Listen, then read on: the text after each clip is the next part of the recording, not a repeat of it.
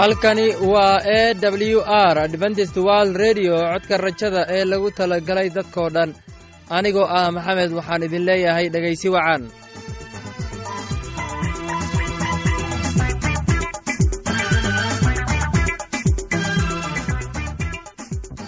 Barnaamijkeenna maanta waa laba qaybood. Qaybta koowaad waxaad ku maqli doontaan barnaamijka nolosha qoyska. Uu inoo soo jeedinaya maxamed kadib waxaa inoo raacaya cashar inaga imanaya bugga nolosha uu inoo soo jeedinayo geelle labadaasi barnaamij ee xiisaha leh waxaa inoo dheer hayse daabacsan oo aynu idiin soo xullay kuwaasoo aynu filayno in aad ka heli doontaan.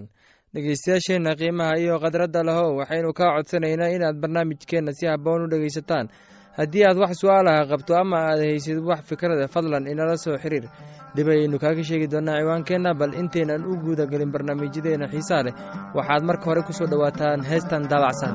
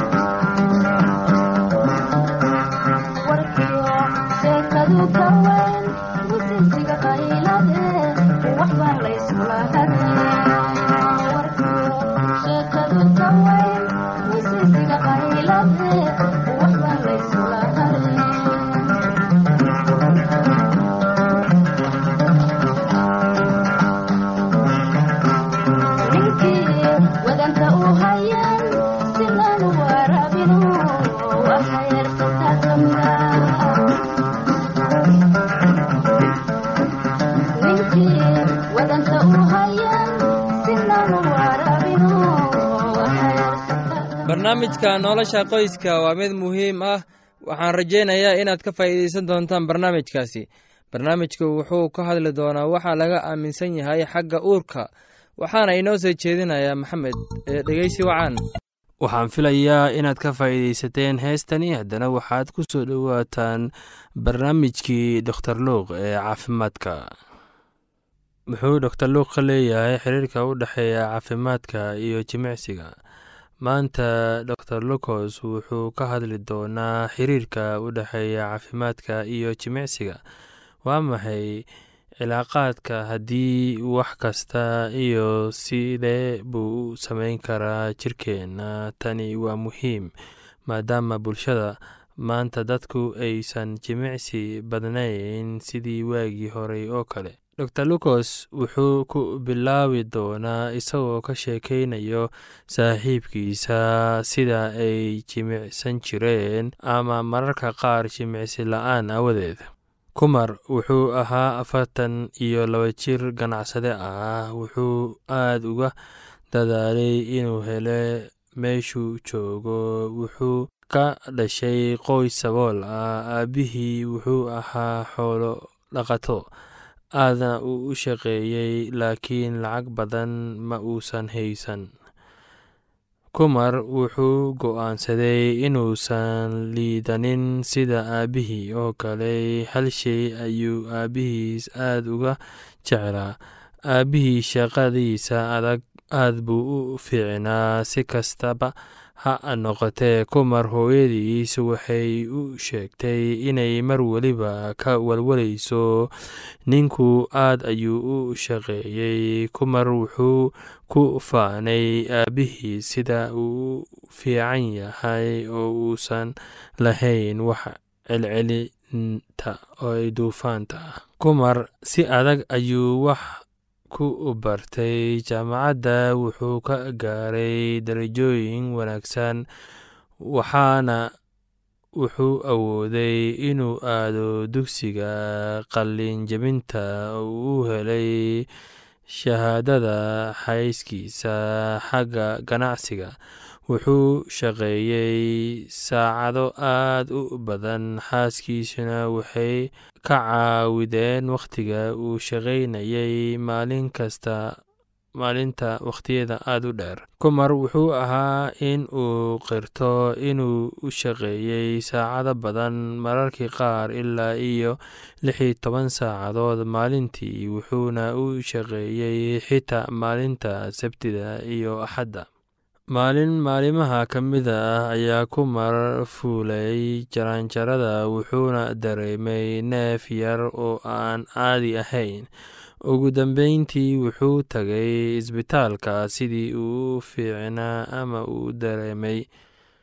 Dhakhtarka isbitaalka ayaa baartay waxay u sheegtay kumar dhibaatada keliya inay ahayd cayil badan wuxuu u baahan yahay ilaa iyo shan iyo toban ilaa iyo labaatan miisaan culus. Wuxuu u baahnaa inuu si deg deg ah u furfuro culayskiisa ama uu halis u galo dhibaatooyinka kale ee caafimaadka. Kumar wuxuu u sheegay dhakhtarka inuusan ahayn culays saa'id ah islamarkaana uu si fudud u xakameyn karo cunnadiisa iyo culayska dabacsan. Dhakhtarka wuxuu sheegay in dhammaan bukaanadiisa culayska buurnida aysan ahayn. Taasi waa inaysan aad u buurnayn oo iyaguna culayska wuu dayn karaa sida ugu dhaqsada badan. Dhakhtarku wuxuu u sheegay kumar tani in ay tahay muhiim. Kumar wuxuu weydiiyey dhibaatooyinka caafimaadka uu qaban karo. Dhakhtarkuna wuxuu u sheegay in hab nololeedka ay ku jirto jimicsiga caafimaadka. Dhakhtarku wuxuu leeyahay sameynta jimicsiga in muddo ay tahay mid ku xiran oo leh kala duwanaansho waaweyn. Oo u dhexeysa kuwa jimicsi dhexdhexaad sameeyo iyo farqi yar oo u dhexeeyo jimicsiga guud. Kumar wuxuu u malaynayay in waxaas oo dhan ay ahayn kuwa aad u xiiso badan laakiin wuxuu weydiiyey dhakhtarka inuu siiyo tusaale.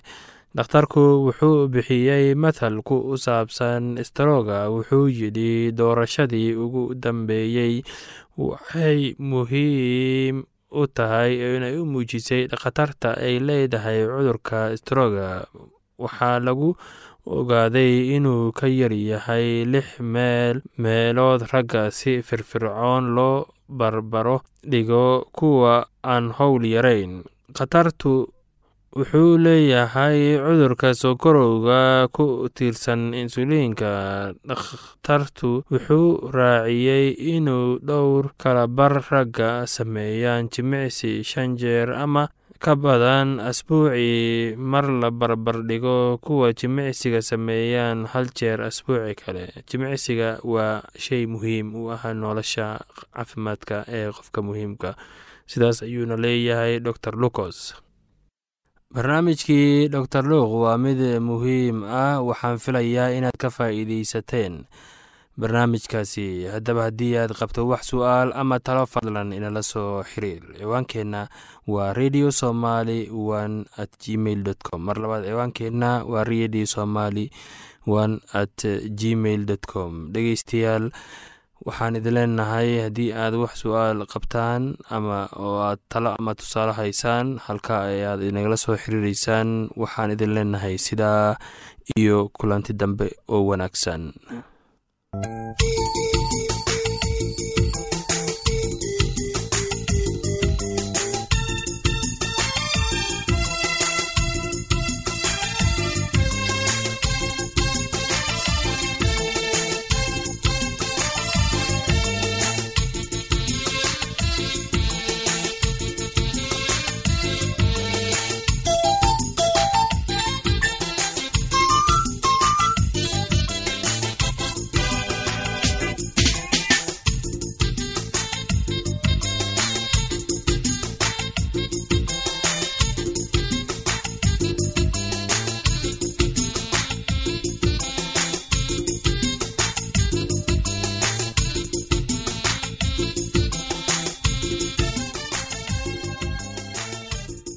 waxaan filayaa in aad si aboon u dhegaysateen casharkaasi.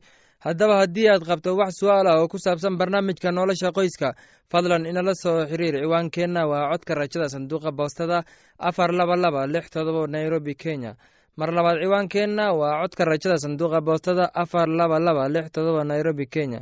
Waxaa kaloo inagala soo xiriiri kartaan emeilka somali e w r at yahu dt com mar labaad imeilka waa somali e w r at yahu com. Haddan waxaad mar kale ku soo dhowaataan heestan soo socota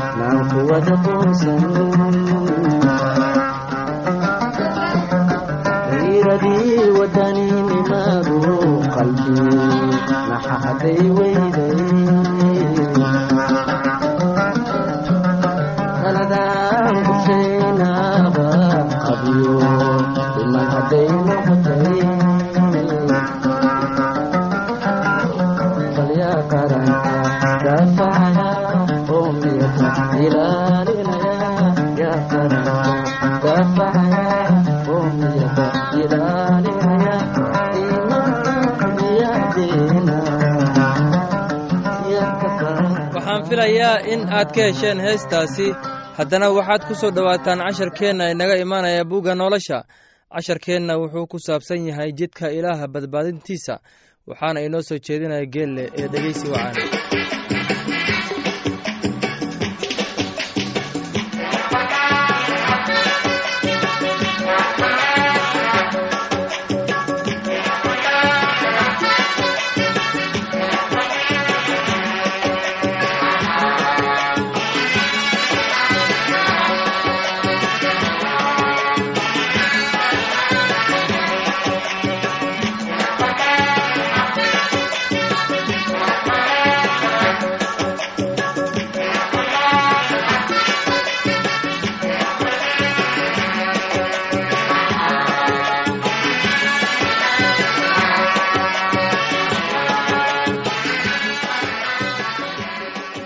ilaah badbaadintiisa. Maxaa igu waajib ah in aan yeelo in aan ku badbaado?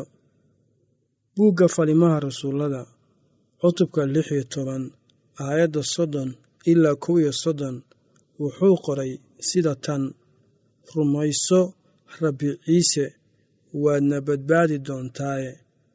Dhegaystayaal buugga falimaha cutubka saddexaad aayadda sagaal iyo toban wuxuu qoray sida tan haddaba toobadkeena oo soo noqda si dembiyadiinna loo tirtiro. Haddana isla buugga falimaha cutubka labaad aayadda soddon iyo siddeedaad wuxuu qoray sida tan toobadkeena oo midkiin kastaa ha lagu baabtiiso magaca ciise masiix dembidhaafkiinna aawadiis oo waxaad heli doontaan hadiyadda ruuxa quduuska ah. Buugga yooxana koowaad cutubka koowaad aayadda sagaal wuxuu qoray sida tan haddaynu dembiyadeenna qidhanno isagu waa aamin iyo caadil inuu dembiyadeenna inaga cafiyo oo inaga nadiifiyo xaqdarrada oo dhan. Buugga roma cutubka tobnaad aayadda sagaal ilaa toban wuxuu qoray sida tan. Haddaad afka ka qiratid in ciise yahay rabbiga oo aad qalbigaaga ka rumaysatid in ilaah isaga ka sara kiciyey kuwii dhintay waad badbaadi doontaa. Waayo qalbiga waxbaa laga rumaystaa xagga xaqnimada. Afkana waxbaa laga qirtaa xagga badbaadinta buugga efesos aayadda labaad. Wuxuu qoray sida tan idinku waxaad ku badbaaddeen nimco xagga rumaysidka mana aha wax xaggiinna ka yimid laakiinse waa hadiyadda ilaah.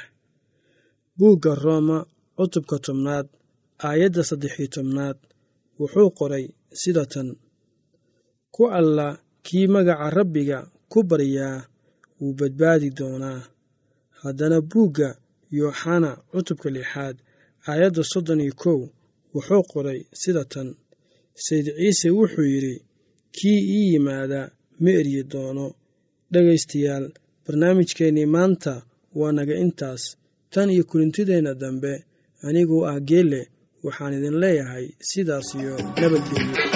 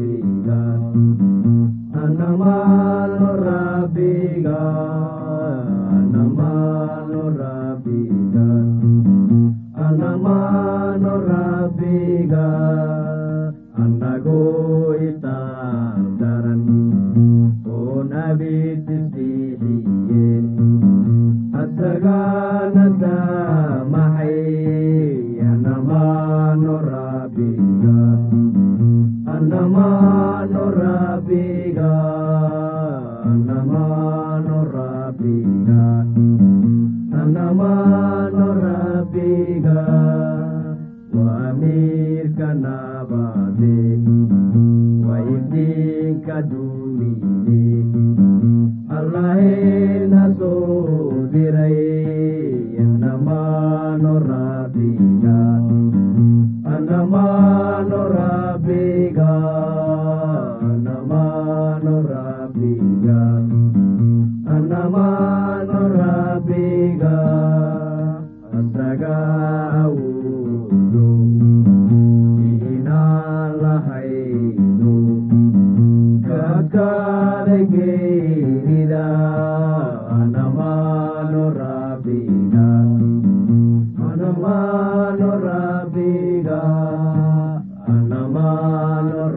rabbiga anamano rabbiga arriweye faralo alhamdulillahi intaanirano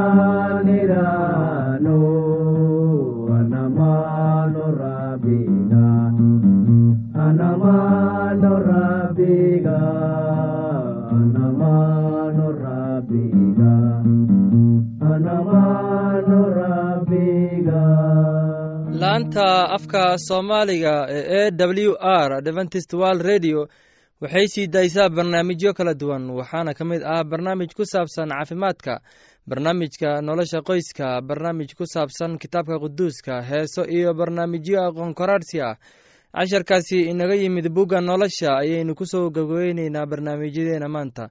Halka aad inagala socotiin waa laanta afka soomaaliga ee codka rajada ee lagu talagalay dadkao dhan haddaba haddii aad doonayso in aad wax ka kororsato barnaamijka caafimaadka ama barnaamijka nolosha qoyska ama aad doonayso inaad wax ka barato buugga nolosha fadlan inala soo xiriir. Ciwaankeenna waa codka rajada sanduuqa boostada afar laba laba lix todoba nairobi kenya. Mar labaad ciwaankeenna waa codka rajada sanduuqa boostada afar laba laba lix todoba nairobi kenya. Waxaa kaloo inagala soo xiriiri kartaan emeilka somali e w r at yahu dt com. Mar labaad emeilka waa somali e w r at yahu com. Dhegeystayaasheenna qiimaha iyo khadradda lahow meel kasta aad joogtaan intaan mar kale hawada dib ugu kulmayno anigoo ah maxamed waxaan idin leeyahay sidaas iyo nabadgelyo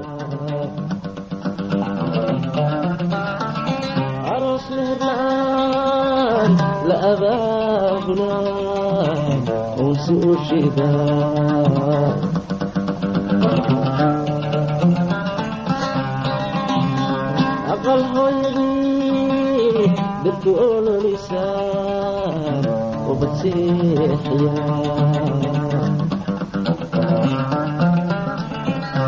aalada duqdii ku hororodayba oo heynaya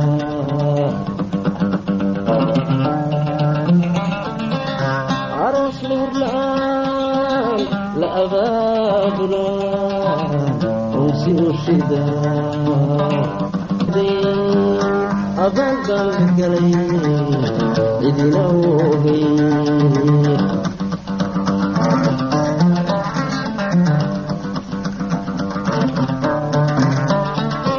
eelkii faraa aramida kacso eelkii faraa aramida kacso urka bukayeema intaan ka badan wax la aamusa urka bukayeema intaan ka badan wax la aamusa elkii koraa aramida kacsho elkii koraa aramida kacshe urka bukayeema intaan ka badan wax la aamusa urka bukayeema intaan ka badan wax